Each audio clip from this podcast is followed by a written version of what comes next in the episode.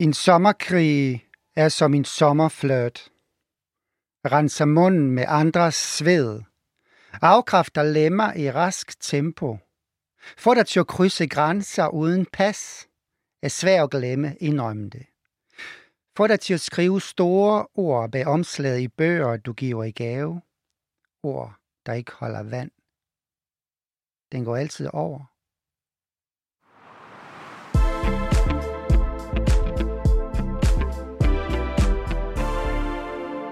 Det, du lige har hørt, er lyden af Elvira Malishek, der liser op af sin digtsamling I stød finder jeg læ, udgivet i år 2021. Og som du måske allerede kan fornemme, er det et værk, der på sin helt egen måde krydsklipper mellem minder fra krigen i Bosnien-Herzegovina, hvor Elvira selv kommer fra, og en fløt, et forhold i Danmark, med alt hvad der hører sig til af sex og dyb intimitet. I dagens afsnit af min litterære pornosamling skal vi derfor snakke med Elvia om I stød finder jeg læge, hans første digtsamling. Vi skal høre, hvorfor der i det hele taget er så meget sex med, hvor meget Elvia selv, der kan findes i digtene, og hvad digterkunsten i hans øjne kan bruges til i vores tid. Mit navn er Jakob Nielsen. Velkommen til.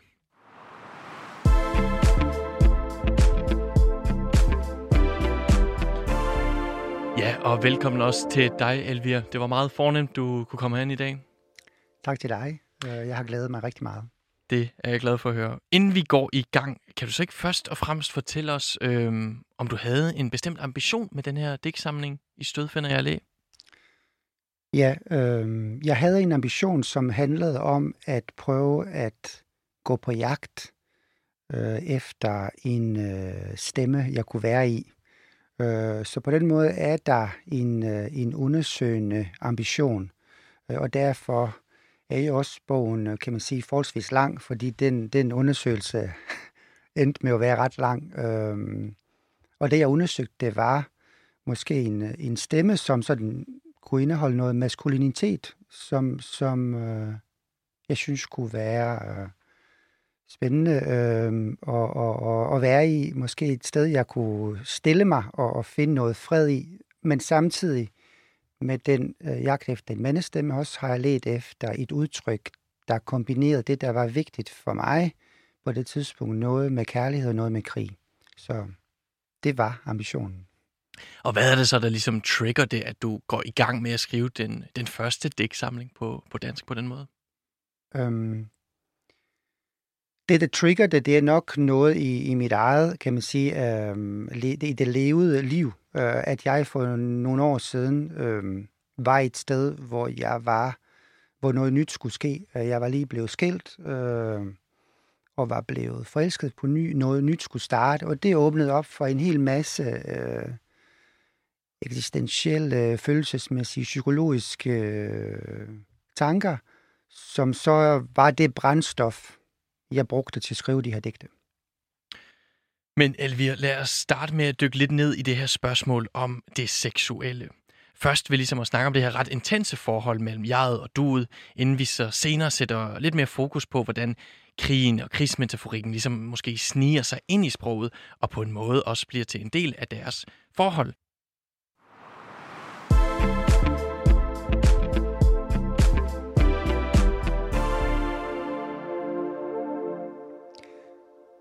Jeg går op ad den blå trappe, som var det første gang. Jeg holder fast i træværket. Jeg tvivler ved ulige trin. Jeg kommer ind i lejligheden på femte til højre. Efter to glas spørger jeg velopdragent. Hvad skal jeg nu gøre? Du skal tage mig bagfra, siger du. Altid. Så gør jeg det, og mit knæ bløder, mine nosser larmer, når de tømmes i gummi. Du får, du får et blåt mærke, et synligt sted på underlæben. Den bliver svær at forklare til den medarbejderudviklingssamtale, du snart skal til. Jeg går gennem natten med en mulepose i hånden. Den er sort krøllet vind, men putter ting i. Og i dag er det rødvin og kondomer med smag i. Det er rockholdt. Sne og chap i Aarhus. Byens lys falder sammen om mig. Natten er læskende som blod, som cola. Jeg spænder ben for mig selv. Jeg skynder mig hen til dig. Jeg rækker musik til. og vi danser os trætte, og svæver med dansen evigt troskab. Jeg har armene op over mit hoved og befamler lamper og stuk. Musikken beruser røgen fra ovnen, hvor noget brænder på. Jeg omfavner dig. Du siger, du elsker mig. Jeg synes, det er måske en postgang for tidligt. Og bærer dig ind i soveværelset, finder din røv. Den er blød og vild. Den er lydefri. Altså øh, nogle beskrivelser fra scener, hvor jeg og du mødes, ja, og har sex selvfølgelig. Det starter ret, ja, umiddelbart måske uskyldigt ud, men ender så tydeligvis på første side allerede i en ret ja, intens øh, omgang sex, da duet ja, også får ender med et, øh, et synligt blåt mærke på underlæben. Elvira, handler den her digtsamling også om, om to mennesker, der forelsker sig? Det gør det, helt klart. Øhm, jeg synes, de her digte viser måske meget godt øhm, det, jeg har været optaget af, da jeg skrev det. Altså hele tiden lede efter øh, forskellige positioner, sådan en øh, mand eller en mandestemme kunne, kunne, øh, kunne være. Øh, I det første digt, jeg har læst op, for eksempel spørger jeg, hvad skal jeg nu gøre, som for mig er, er et tydeligt udtryk for usikkerhed. Øhm, hvor i det andet digt, jeg siger, jeg synes, det er en påskak for tidligt at bære dig ind på soveværelset, hvor jeg er det meget mere handlekraftigt. Bare i de her to digte, synes jeg, det har været meget spændende. På den måde, på at lege lidt med, altså øhm, det, der er meget usikre, som man som mand eller menneske kan være, og andre steder, hvor man er helt sikker på, hvad det helt rigtigt at gøre på det, på det givende øh, tidspunkt. Og det gælder så også i et seksuelt forhold på den måde? Ja, det gør det, ja. Altså, som lytterne også vil lægge mærke til, når du så kommer til at læse nogle flere passager op, så har jeg og du ret meget sex i den her digtsamling. Øh, du nævner det her med, at du også søgte efter et, ikke nødvendigvis et maskulint udtryk, men at udforske det en lille smule. Men hvorfor har det også været så vigtigt for dig, at der er så meget til at beskrive en seksuel erfaring? Mm. Jeg synes, sex er et meget spændende tema, også litterært, fordi øh, det rummer rigtig meget følelser og sproget om sex øhm, rummer rigtig mange følelser. Bare det for eksempel, at beskrive et, det at have sex med, mellem jeg og du. Nogle gange bliver der brugt udtrykket bolle, andre gange er det knippe, mm. andre gange er det elske. Så jeg synes bare i sig selv, bare, det, bare de tre nævnte verber, hver for sig, indeholder en hel masse følelser omkring øh, det at have sex. Øhm, og på den måde bare med udgangspunkt i de tre verber, kan jeg sige, hvor meget jeg har bare haft lyst til at lege med, fordi der er så meget følelser i sproget, og der er så meget af det, der, der er måske ud, ikke udforsket nok, eller ikke udforsket sådan, som jeg vil øh, gerne gøre det. Og jeg har på en måde opdaget, at en, en hvad skal man sige, en legebane, hvor, hvor, jeg, hvor jeg godt kunne hvor jeg godt kunne lege lidt øh, med nogle yderpunkter, øh, både noget, som her, den der er usikker, et usikkert punkt, men også et lidt mere selvsikkert punkt, og på samme måde senere vil man formentlig kunne se nogle meget, meget ømme øh, sexscener. andre steder, er det, øh, går det, er det lidt mere, går man lidt mere hårdt til værks. Øh, ja, så det har været et, et emne, som jeg synes var spændende at, at give en omgang af litterært. litterært. Ja, helt sikkert. Men så snakker vi også om ambition, når du siger det der med, at, at det, er det så din egen ambition at udforske, hvad det øh, eventuelt indeholder af følelser, eksempelvis de her tre, eller er det også mere for at grave det frem for andre læsere, altså at, at føre andre læsere ind i den verden, ind i den, de nuancer, der ligger i det? Jamen, det har været helt klart en, øh, øh, en ambition for mig, men jeg synes også, det er, når det lykkedes mig, og det synes jeg, det er gjort, øh, fordi jeg, jeg kan i hvert fald selv identificere de forskellige ståsteder, øh, men som læser kan øh, stille sig alle nogle smagsoplevelser. Altså, nogle gange tænker jeg også på min digtsamling som en, som en otte-retters menu, så man kan smage sig igennem manden i dens forskellige øh, stemmelejer. Øh, så det er helt klart et tilbud, men som læser, man kan smage på ordene og se, hvad gør det ved mig, at der står øh, en bestemt linje, som, som, øh, som, kan, virke, som kan, kan være voldsom at smage på, andre gange kan den smage noget andet. Så det er helt klart et tilbud, en hel masse tilbud til læseren til at få nogle gode øh, smagsoplevelser. Ja, helt sikkert. Sprogligt øh, og æstetisk. Ja. Og jeg håber, at vi i løbet, når vi skal læse nogle flere øh, passager op, kommer igennem nogle af de her retter, som du siger. Men kan du ikke også lige øh, sætte nogle ord på, hvorfor det i det hele taget for dig er interessant at udforske maskulinitet? Vi befinder os i en tid, hvor, hvor det ikke er så uhyggeligt populært, måske? Øhm, jamen, jeg skrev, øhm, jeg skrev bogen for et par år siden, hvor, hvor kontekst, konteksten var en smule anderledes, men som sagt, der var noget i mit eget liv, der gav noget brændstof. Jeg, jeg, jeg var selv, som jeg nævnte før, øh, øh, på vej til noget andet, i og med, at, at jeg blev skilt fra en kvinde, som jeg har været gift med i rigtig mange år. Og det der med, at man skulle starte noget øh, forfra, øh, og få, få et, et, et, en kærlighedsrelation til at fungere, det, det gjorde mig en lille smule usikkert. Så det der med at lede efter det rigtige sted og, og placere sig, øh, det, det, på den måde har det været drevet af noget, af noget øh, i mit eget liv. Mm, og inspireret af ja, det også. Ja. Ja. Hvad hedder det? Den har fået, altså i stød har fået en anmeldelse i øh, Jyllandsposten, hvor anmelderen i underrubrikken ligesom kalder digtene for liderlige, testosterontunge og tunnelsynede digte. Hvad tror du, han mener med det? Jeg tror, han mener, at, at øhm, jeg tror, han mener, at der er nogle digte, eller dele af digtsamlingen, som, øh, som er præget af noget, som jeg selv har tænkt, en eller anden form for klaustrofobi. Det er jo tunnelsyge, det er sagt på en anden måde. Og jeg har, øhm, men man kan sige, jeg har bevidst skabt det, et klaustrofobisk rum. Det vil sige, og det var, apropos jeg sagde før, det var en af de der retter. Det var ret nummer tre. tænkte, at mine læsere skulle prøve at se, hvordan er det at, at være i et sådan meget seksualiseret, klaustrofobisk rum, og hvad gør det ved dig, kære læser? Øh, det er ærgerligt ved den anmelder, at han har jo måske ikke set de andre retter, eller ikke uh, smagt dem, eller i hvert fald ikke, øh, det, det har ikke gjort indtryk på ham, så, så vedkommende har jo meget øh, vægtet, kan man sige, lige præcis den smagsoplevelse, den klaustrofobiske, den tunnel, syne øh, øh, præget øh, oplevelse. Og den er der helt klart, og, med det, og den er der helt bevidst, fordi jeg tænkte, den var spændende. At jeg synes også, den, den skulle være der, fordi nogle gange altså, kan man være i, en del af relationen, hvor, hvor det seksuelle fylder rigtig, rigtig meget, og det udelukker øh, alt det andet. Og derfor synes jeg, har det i hvert fald spændende at have et kapitel, der handler om det. Ja. Så altså, at anmelderne ikke har forstået, at du også bevidst leger med det og går så videre til noget andet? Jeg ved ikke sige, om I ikke har forstået det.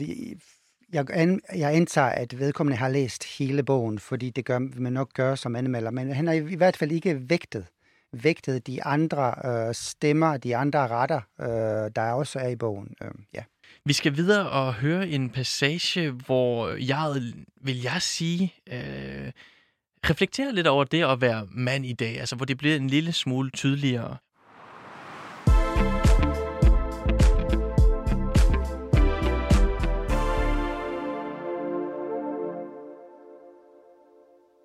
Jeg er en af de rigtige mænd, der altid går rundt med stiv pik. Den er kun blød til begravelser og forældremøder.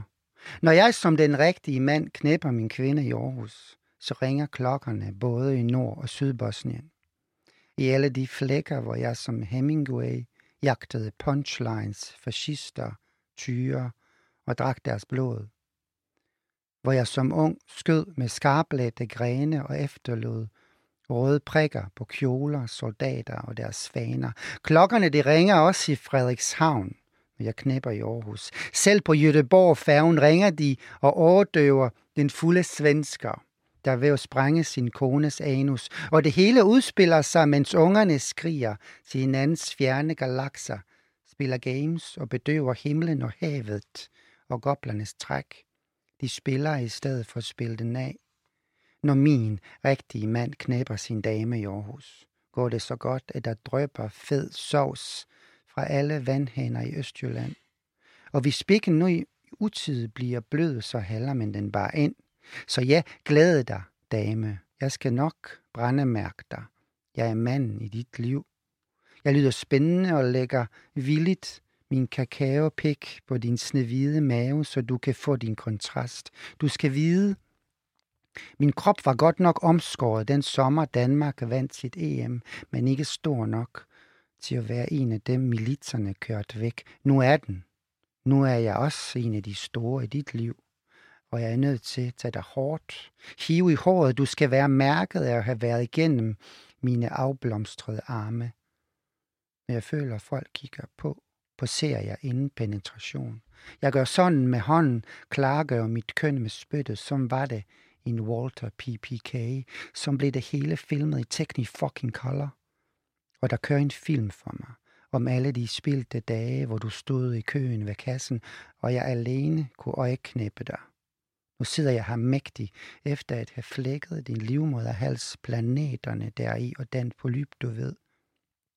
Jeg lider i stillhed, af stirafhængighed, men kan fremvise et godt CV. Jeg har solid erfaring med at lege med børn og knæppe kvinder morgen, middag og aften, gennemknæppe dig og dig og dig. Måske du vil give mig en udtalelse. Jeg ville vedlægge den min profil på et site for liderlige teknisk administrative medarbejdere. 40 år gammel er du snublet ind i mit liv, med halsen stoppet med overklassefruer og punkertøser. Når jeg åbner din røv med smør og sweet talk, siger du tak, slipper dem fri. Når du bliver direktøragtig, boller jeg dig direktøragtigt, strategisk og i punktform. Når du bliver lillepigeagtig, lægger jeg min pik til side og finder farmaven frem. Læberne brænder under dig. Alle læber brænder langsomt om aftenen, når de åbnes på klem. Jeg er vokset op blandt kriger og syge skal gøre mit. Jeg skal nok brændemærke dig i nat. Jeg åbner læberne ud mod dit landskabe flydende hud, imens bliver min pik støbt i vådfissen. Støbt i sin rette form for senere at blive afskåret og udstillet på glashylden i dit køkken. Det er fredag aften et fint sted i Aarhus, når, vinderne, når veninderne en dag ringer på, vil du være pavestolt.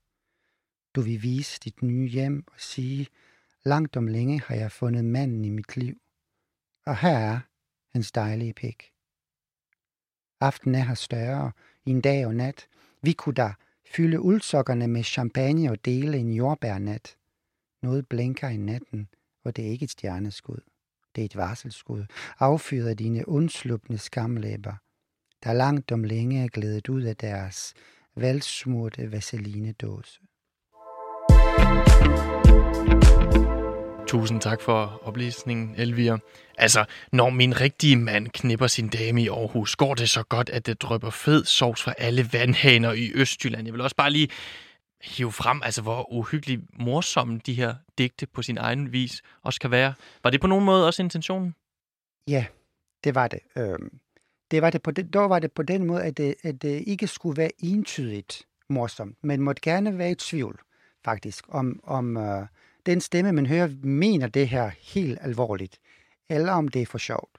Så jeg, og jeg har det faktisk selv sådan, når jeg skal læse, især den der, for, for eksempel, jeg er en af de rigtige mænd, der ja. altid går rundt med stiv pik, og den er blevet til øh, begravelser og forældremøder, at nogle gange har jeg oplevet, at jeg flækker i grin. Andre ja. gange tager jeg det virkelig alvorligt, og, og siger det som den mest alvorlige ting i verden. Så på den måde har jeg egentlig mest op, synes jeg, det er mest spændende, at man er lidt i tvivl. Ja, du spiller øh, på ja, den her øh, tvetydighed. Ja, og der er markører. Der er sådan set markører, der er, jeg tænker, det, det må være uh, sarkastisk, ironisk, men der er markører, der godt kan tænke, okay, det, det, det må være alvor, det her. Jeg har ja. også selv haft øh, svært ved at blive enig med mig selv, hvor jeg lander henne på den måde. Men hvad er det for en... Altså, jeg er en af de rigtige mænd, der går, altid går rundt med stiv pik. Hvad er det for en type mand, der bliver fremstillet her? Mm. Jamen hele det her, hele det her kapitel, der hedder Alle læber brænder, det er en eller anden form for, har jeg tænkt på det som en form for det hele, der bliver sat ild til den mand der. Øh, en form for han selv antænder, men også sprogligt, så nogle af linjerne er jo også drevet af noget energi. Øh, så der er noget drengerøvsagtigt i det. Øh, noget af det er jo også lidt grotesk, øh, surrealistisk, øh, så, så en pæn gryde, vil jeg sige, af, af elementer, der gør, at man, at man sidder med den der ret uh, energifyldte uh, oplevelse, mm. grænsende til det sarkastiske mm. uh, og halvalvorlige også. Hvad betyder det, at han, han selv antænder på den måde, altså i et personligt, i, i hans relation til, til verden? Er det igen det her med transition? transitionen? Jamen, jamen jeg, jeg betragter det meget det i forhold til duet, at de er, det, det er herinde i, det her, i den her passage, at deres relation udspiller sig i et meget, meget, et meget, meget lille rum. Og det er der, klaustrofobien er stærkest øh, i digtsamlingen. De er ikke, kommer ikke rigtig ud. Det gjorde de øh, de første digte, jeg læste, hvor der var noget med at gå op i en trappe, der er ja. en lejlighed, og der han går ud i gaden, og her, øh, her er jeg et øh, meget sådan, meget kører rundt øh, ind i sig selv. Mm. Øh, I hendes lejlighed. Ja. ja. Hvad laver Hemingway i sådan en passage her, i det her digt? Jamen, det er jo en, en uh, reference til den der jæger uh, over maskulin uh, mandestemme, uh, der skyder tyre og ja, jagter der, ja, jagter fascister, ja. Uh, men det er samtidig blandet med sådan noget drenge noget, uh, hvor jeg siger, at, at jeg som ung skød med skarpladte grene. Så der er en blanding af noget, måske infantilt, barnligt, men også sådan lidt uh, helte, held, noget heldedyrkelse som sagt, det er en sådan skøn pærevælling af det hele. Ja, ja. Øhm, og, og det er det, jeg, jeg elsker ved lige præcis det her kapitel, og sådan fortsætter det faktisk i syv sider. øhm, så det er et, et rigtig godt langdigt, med, hvor man får faktisk ret meget for pengene, vil jeg sige. Ja, helt bestemt. Men tror du, at øh, jeget her er bevidst om, at det, han til dels dyrker et bestemt mandeideal, altså det her ja, ultramand, kaldte du det lidt? Jeg vil nok mere sige, at jeg trykker på en sådan søgeknap, og så er det bare virkelig mange ting, der popper op i den søgning der. Altså, så, så er det Hemingway, og så er der så er der en dreng, der står med en skarplat gren, og så er der en kakaopik, og stjerner, og CV'er, og det, det, det hele vælter. Så jeg tror, det er mere en form for energisk accelereret øh, søgefunktion, man trykker på, og så popper der en hel masse ting, og der er ikke noget linjeafstand, så man får virkelig kommer op i tempo her, øh, i den der søgen efter at stille sig det rigtige sted. Ja, og en af de ting, der kommer frem, er jo det her med, at øh, jeg siger, han er vokset op blandt kriger og syge, og skal nok gøre mit, skal nok, jeg skal nok brændemærke dig i nat. Altså her er det jo lidt som om, at det at komme for eksempel fra Bosnien, komme fra en krig, har gjort, at man Jamen, jeg, jeg ved ikke, om, om man, han måske forventer, at han skal være lidt macho. Kan man forstå det på den måde? Det kan man øh, muligvis godt, ja. Øhm. Jeg tænker også bare, at hans kæreste elsker duet, tænker jo også om ham, at eller er det måske jeg, der siger det her med, at hun stolt skal vise hans støbte pik frem på en eller anden måde? Altså, tror du gerne, han, øh, han vil være i den manderolle på en eller anden måde? Jeg vil sige, det er jo for mig det her kapitel øh, ekstremernes kapitel, og derfor øh, der, der, går, der er ikke mange linjer eller sider fra den der meget, meget selvsikre øh, stemme, som, som kapitlet starter med, til, til sådan en kastrationslinje, fordi øh, jeg bliver kastreret her. Øh, så, så jeg vil sige, det er, det, jeg ser det meget som den der søgen, som er så ekstrem, at der popper popper rigtig meget, og en del af de ting, der popper op, det er jo, er jo en, en kastration øh, af sig selv, øh, som man må fortolke øh, som man videre på. Ja, ja helt sikkert. Øh, inden vi ligesom går videre og sætter fokus på, hvad der måske i mine øjne er de mest farligste, intense og måske også frækkeste passager. Altså de her passager, hvor digtsamlingen på sin vis i højere grad blander krig og sex. Så lad mig lige høre dig om det her lidt klassiske spørgsmål. Altså, hvor meget af jegets liv kommer fra dit eget liv? Altså, hvor autofiktivt er det her værk i stød finder jeg læ? Det er jo det er pænt autofiktivt. Øhm, fordi som jeg også nævnte før, at det finder sit brændstof i noget levet liv. Øhm, og øh, og især i starten af en skriveproces er det jo meget, kan man sige, man kan sige, digtene er forholdsvis tæt på noget oplevet. Men jo længere hen ad vejen, man ligesom ah, man, man, man, øh, man arbejder mod et, et slut, vi skal sige, produkt, så forlader man faktisk virkeligheden mere og mere, fordi jeg bliver jo som, som forfatter optaget af, at det skal fungere, at det skal være et godt digt, øh, og at det skal ikke retvisende afspejle noget virkeligt, fordi det er jeg faktisk ligeglad med. Det er selvfølgelig vigtigt, at der er noget emotionelt, øh, der driver det, en, en drivkraft øh, i starten, som, som gør, at så nogle ting kommer ud, men, men jeg synes, man forlader det forholdsvis hurtigt, fordi men ambitionen er jo litterær, ikke dokumentarisk.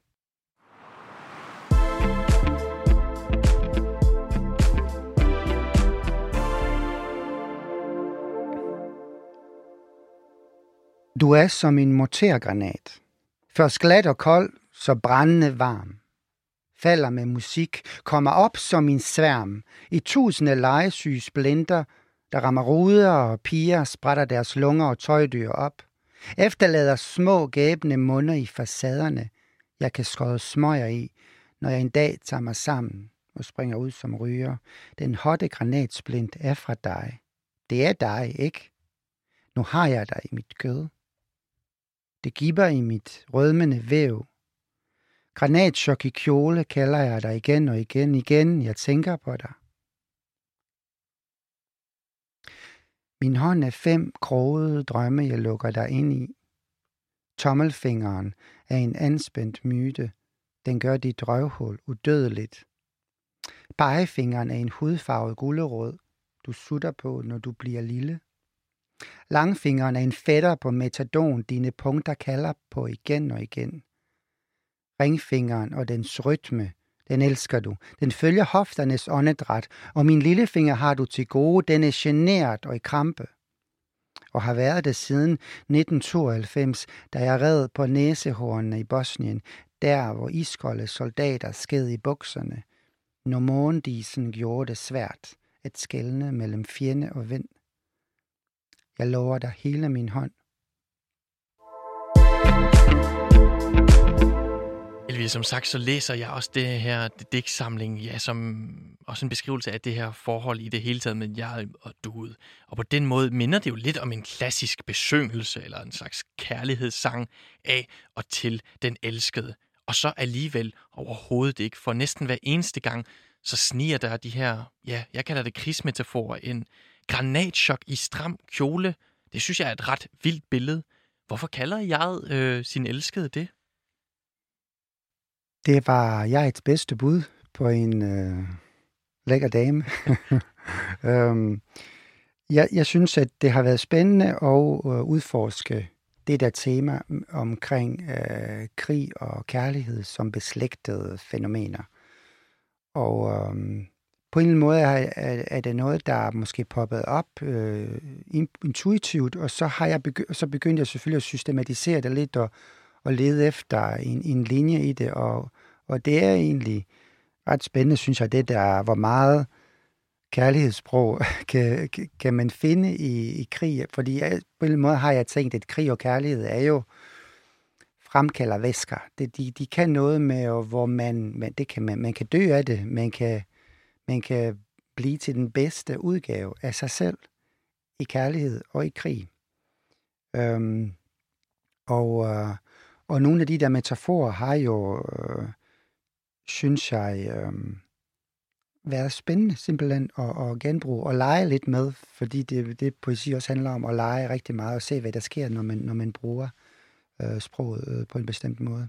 Øhm, og granatchokket er jo, synes jeg, ret rammende altså øh, for en forelskelse, så, så det, som den der fuldstændig alt opslugende, digerne, øh, total, øh, ikke totalt ødelæggende, men totalt opslugende øh, sindstilstand, man kan komme i, når man er, når man er forelsket. Ligesom efter en granatchok. Øh, så.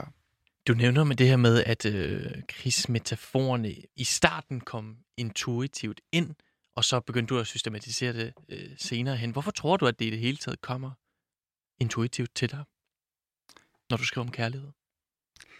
Øhm. Jeg har været optaget i den her bog og samle nogle tråde, tråde, tråde der var vigtige i mit liv. Øh, og når jeg kan man sige, gik i gang med at skrive der i den periode, som jeg nævnte, øh, hvor jeg var på en form for skældevej eller noget nyt øh, startede, så synes jeg, at at jeg øh, oplevede, at den der intense, intense oplevelse, som min forelskelse i nutiden har været. Det var som om, at det gjorde mig modtagelig for noget andet. Det åbnede en dør til fortiden, og fortiden var jo de vigtige, øh, markante begivenheder i mit liv har været, har været det at have været i krig i en periode på 6-7 måneder øh, i starten af 90'erne i Bosnien. Og derfor på en eller anden måde må det være en eller anden, det, det, var, det var noget, jeg havde på lager, og når man skriver, så, så tager man det, man har på lager. Øh, og det havde jeg så af gode billeder til at udtrykke øh, min kærlighed på. Ja, fordi jeg tænker umiddelbart, det er jo meget sådan voldsomt sprog til at, at sammenligne med et kærlighedsforhold, øh, men så alligevel ikke, når man, når man læser din digtsamling, så kan man netop begynde at se de der metaforer for sig og tænke, et granatchok kan godt passe til en forelskelse. Men er det sådan, at jeg ikke kan øh, altså lade være med at, at bruge det her sprog? Ja, det kan man godt sige. Jeg synes, det fine ved krigsmetaforerne, at de, de er ikke de, de er gode til at udtrykke graden af voldsomhed i oplevelsen, som en forelskelse er. Øh, som for eksempel granatschok. Men det er også ikke en, det er jo faktisk også en, en, en, en, en negativ konsekvens at have været i krig øh, i en granatchok. Også det der med i samme digt, hvor, hvor, der, hvor der er en linje, der siger, den hotte granat splint er fra dig. Som igen, det, det er Granatsplint, det er jo et fremmed læge med en, en krop, ja. som man kan dø af. Og på den måde er der en, en underliggende øh, leg med kærlighed, som ikke er en entydig. Det er også en risikabel affære, også i livet, fordi man risikerer at gå ind i kærlighed med alt, hvad det indebærer. Man gør sig sårbar. Øhm, og så der, den, den leg med det risikable i det er for eksempel den der granatsplint. Øhm, Destruktive. Ja, eller i hvert fald selvdestruktive elementer i det også, hvor man er nødt til at gå kompromis øh, i, øh, i en relation. Øh, så i starten der snakkede vi lidt om, hvad din ambition var på den måde, hvor du også sagde, at du udforskede lidt et mandeideal, men jeg har også tænkt, altså fordi det er din første digtsamling, du kommer fra Bosnien, og der sniger sig de her øh, krigsmetaforik ind, ja. men det er, har ikke været din ambition at, altså, at bruge digtekunsten til at, at bearbejde den oplevelse af Bosnien det har ikke været en, en ambition. Jeg har på et tidspunkt skulle træffe et valg, også i den måde, jeg har struktureret værket, øhm, øhm, om det bærende tema skulle være en relation mellem en mand og en dame, eller om det skulle være en, en erindrings, øh, et erindringsværk, om, om øh, hvor man genbesøger oplevelser i krig. Og så er det jo, så, så traf jeg det valg, at det egentlig skulle være en bog om øh, en mand og en dame, om en kærlighedsrelation, hvor så jeg et, kommer ind med noget bagage, og det er den bagage, som så, ind i den bagage, er der noget med krig, som jeg synes har gjort, at, at det er det, der kunne gøre det lidt anderledes og lidt mere spændende. Så det har ikke været ambition fra start, men det, som jeg nævnte, den intense op- oplevelse i nutiden, den forelskelse, der er, den åbnede nogle døre, og så handlede det faktisk også om at gå ind og, og, og udforske de Tag dem seriøst. Ja, ja, tag dem seriøst, ja. Øhm. Helt bestemt. Jeg synes, vi skal høre lidt flere passager, der sætter nogle flere ord på, på jegets forhold til Bosnien.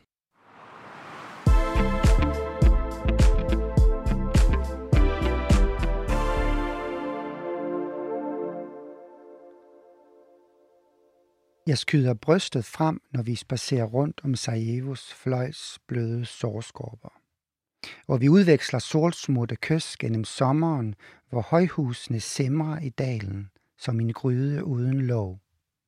Jeg er træt af at være såret uden sår, siger jeg. Okay, siger du. Jeg tæller etagerne og tækkerne og får lyst til dig i knaldrøde laksko. De er langt, langt borte i Aarhus. En gang imellem må jeg slå dig med bæltet, når vi elsker. Vildere bliver det nok ikke hvor du siger. Jeg er op og kører, da vi står på broen i Mostar. Den er genrejst af faldende sten. Hvis man holder sin kæft, kan man høre den skælve og arbejde med brystmusklerne. Den holder øst og vest adskilt 24-7. Selvfølgelig skal vi raft, raft, rafte i nærhed fra floden. Den er landets koldeste drink, og du har adviseret mig, da du sagde, Jeg ser pisse lækker ud i en våddragt. Når du så tager den på, blå øjne sejlende i sort gummi og vender dig om, slukker du for alt mørke i Sydøsteuropa. Vi ser et stilleben på museet. Det kan jeg godt huske fra mine unge dage fra blokken, siger jeg og fortæller videre om hurtige skridt i opgangen, militserne, der jager, vi sidder rundt om spisebordet, mor og far, lillebror og jeg, på bordet et skrigende fad, et æble, en pære og en håndgranat, som far holder. Hvis de brænder ind, er vi klar. Altså nogle ret intense passager, hvor jeg og du starter med at være på rejse i, i Bosnien, og hvor jeg bliver genbesøgt af nogle minder, øh, måske fra sin barndom. Især det sidste her med faderen, der holder en håndgranat. Elvira, har du lyst til at sætte nogle flere ord på, på den scene? Ja, det kan jeg godt. Øh, jeg øh, har prøvet her at, at øh, kan man sige, indbygge i digtsamlingen nogle øh, passager, som er ret alvorlige, alvorstunge, øh, for at kunne give, for at kunne skabe et, et, kan man sige, bagtæppe, som kunne gøre det muligt for mig at slippe sted med de der andre, lidt mere groteske, selviscenesættende, lidt poserende passager. Øh, og her, det her handler om, det er, et besøg på et museum fremkalder en traumatiserende oplevelse hos jeget, mm. øh, hvor, og det er ikke noget, jeg selv har oplevet, men jeg har hørt, øh, at øh, fordi den krig, som fandt sted i Bosnien i start 90'erne, var meget, meget voldsomt. Noget af det mest voldsomme i det var, at, at øh, når øh, de bosniske serber, som var en af de øh, en af krigens parter, som var jo øh, militært overlægende. Det, der kunne ske, når de indtog en by, så kunne de rense den by øh, for kulturelle markører, som, mindede, som ligesom udtrykte, at der var muslimer, der boede der, og de kunne også rense byen for muslimer, simpelthen slå dem ihjel. Og det gik øh, mest ud over mændene, typisk, og så blev kvinderne og børnene sendt på flugt. Og her er der, så er der bliver der henvist til en scene, hvor jeg har fået fortalt, at der er mange familier på den måde var virkelig, virkelig bange, øh, at, øh, at nogle af de her øh, paramilitære styrker ville banke på deres dør øh, for at kunne måske voldtage kvinderne og slå faren ihjel, og derfor havde de som strategi, at så ville de faktisk hellere dø sammen omkring den der håndgranat. Så det er en ret, kan man sige, øh, meget tragisk øh, scene på den måde, og meget voldsom scene til at begynde, men jeg synes, det passede fint, det der med, at, som jeg nævnte, den der intense oplevelse, være på rejse, og så åbner der sig nogen, så er man et skridt videre, et skridt videre i noget, der er smertefuldt. Øh, og her er der for eksempel et eksempel på det der med, hvordan man arbejder autofiktivt. Jeg har selv været en del af den bosniske krig, men lige præcis det her har jeg ikke selv oplevet, men jeg kunne godt, fordi jeg har hørt øh, vidnesudsagn, og på den måde bygge det ind og arbejde med det som forfatter. Ja. Helt bestemt. Øh, de befinder sig i Sarajevos fløjlsbløde sårskopper, og jeg siger, at han er træt af at være situation, altså være såret uden sår, situation slut. Hvad tror du, han mener med det? Være såret uden sår? Det betyder,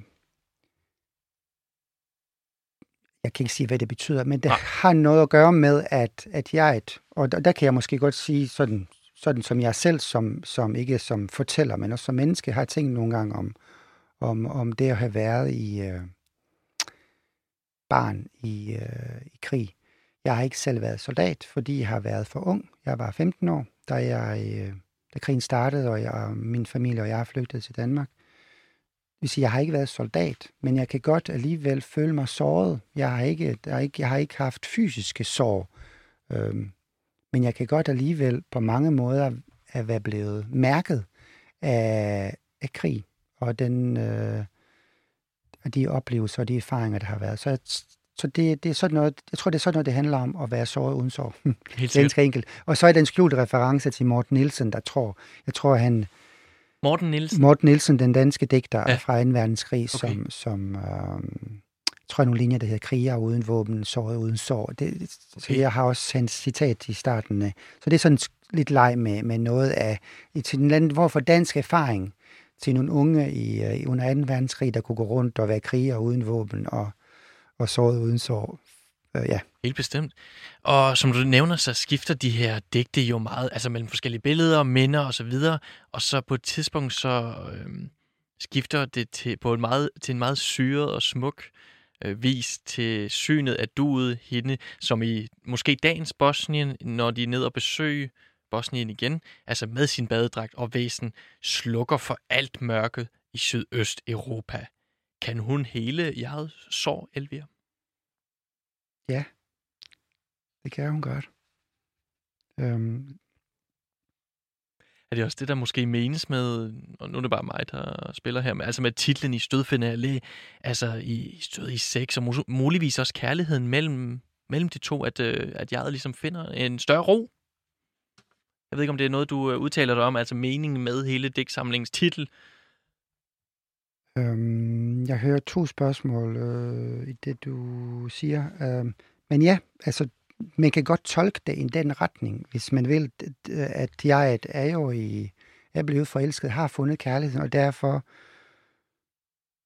formår øh, du at slukke for alt mørke i Sydøst-Europa, og der er masser af mørke i Sydøst-Europa, så det er et godt gået for godt duet. Lækker, ja godt gået for duet. Øh, men i forhold til titlen, ja, jeg var optaget af at, at finde titlen, der kan, der kan indfange noget, som er det mest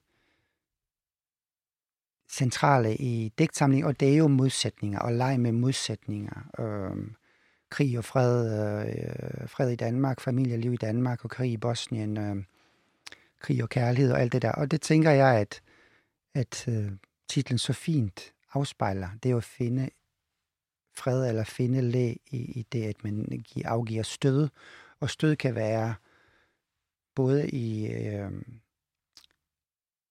mens man er ved at have sex, så kan man støde, men det kan også være som bokser, at man støder, øh, man slår, Og, Øhm, og så er der også en, en, en skjult reference til det danske sprog, som indeholder stød.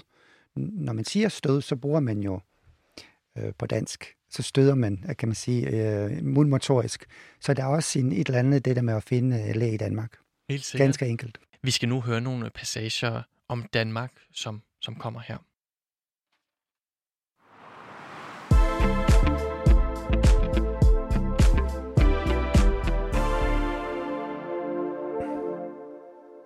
Flygtningecentret var drevet af Røde Kors og hed Silkeborg Bad. Det lå ved en sø i en skov, hvor far ikke kunne få vejret, når det gik op ad bakke. I centret fik jeg langt hår og en rigtig god ven. Han hed Sanjen. I centret spillede jeg basket og smagte på himmerige og helvede. Himmerige var, når jeg blandede blod og sad og smurte ud over piger, der altid smilede og hed Lotte. Helvede var, helvede var, når jeg havde øjne og ingen at låne dem ud til. Jeg kom engang til at sige Silkeborg i bad, og alle grinede. Centret, som vi kaldte det, det var hus og hjem i tre år, plus det løse. 44 værelser med vægge af yoghurt. Når far hostede, gik der hul ind til Hamza ved siden af. Når Hamza løb tør for sprut, drak han barbersprit fra Aldi. Han havde syv børn. De spiste tykkegummi fra gulvet til frokost. Hamza. Med tarmene plaskende i barbersprit. Tre år var altså øh, jeres hjem i, her i Silkeborg. Var det også din oplevelse, Elvira? Ja, her kan man sige, der er det jo, i det autofiktive, nogle gange er man forholdsvis tæt på virkeligheden, andre gange er man tættest på det pure opspind. Og her er det jo ret tæt faktisk på, på virkeligheden, fordi jeg har boet i et flygtningecenter i Silkeborg, som hed Silkeborg Bad. Så der her er der faktisk en til en øh, i noget af det. Øhm, Hvordan ja. var det? Jamen, jeg synes, at det var mange, mange ting. Det har været forfærdeligt på den måde, at nu bor jeg i et hus øh, på 150 kvadratmeter, og jeg synes nogle gange, det er for småt. Og der var en periode på 3,5 år, hvor jeg boede på et værelse sammen med min mor og min far og min lillebror. Øhm, så det har været det har været svært at se øh, især mine forældre visne lidt, fordi det har været den, den politik, Danmark øh, ført på det tidspunkt, var, at vi vil give husly til bosniske flygtningene, til de bosniske flygtninge, indtil krigen øh, går over eller stopper, og så ville vi sende dem tilbage. Øhm, og, øh, og derfor havde vi ikke, havde mine forældre ikke mulighed for at arbejde, og øh, vi kunne ikke gå i en dansk skole øh, i flere år.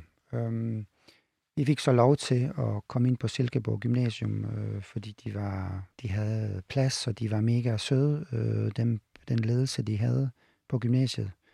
Og øh, så det har været ikke godt, hvad skal man sige, det har været smertefuldt, især fordi krigen også fyldte meget på afsted, men det har også været, noget af det har været godt, fordi vi, jeg fik venner for livet.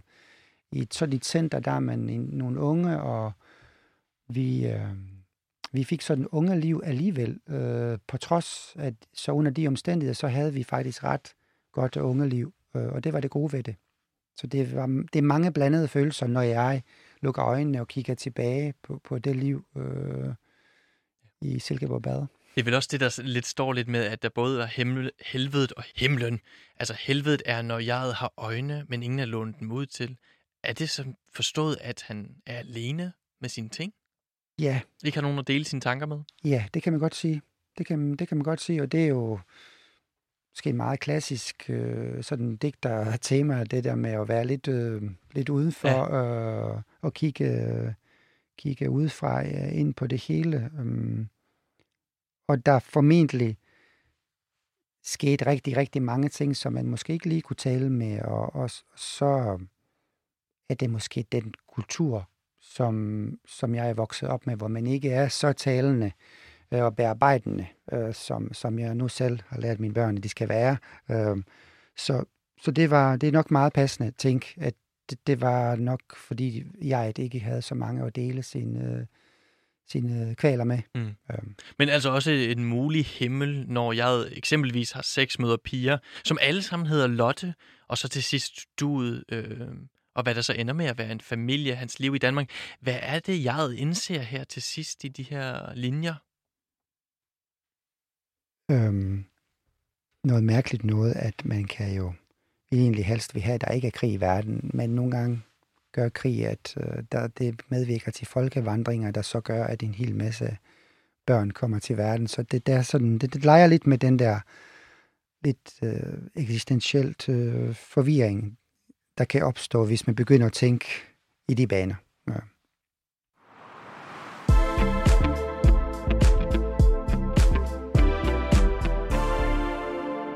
Elvia, vi har ikke så meget tid tilbage, men her til sidst skal jeg lige høre dig lidt mere ind til det her om, om at være digter i det hele taget. Jeg har kunnet læse mig til, at du havde en meget tidlig succes som digter tilbage i det tidligere Jugoslavien. Kan du ikke lige fortælle historien bag det? Og det kan jeg godt. Jeg var ikke digter, men jeg reciterede digte. Øhm, og det gode ved den historie, som jeg ynder at fortælle, det er, at jeg gik øh, i børnehave. Jeg var fem år, og de skulle bruge en, der kunne recitere digte øh, om frihed. Og det var et kommunistisk land, så det var... Systemdigte? Eller? Ja, øh, og så blev jeg, kan man sige, øh, fundet som en, der var kompetent nok til at lære et godt kommunistisk digt om frihed udenad, og kunne stille sig op foran øh, mange hundrede mennesker i sådan en idrætshal, og så recitere det, den digt øh, om frihed. Så på den måde startede min karriere som digtoplæser relativt tidligt. Kan du huske, hvordan det føles at stå foran dem?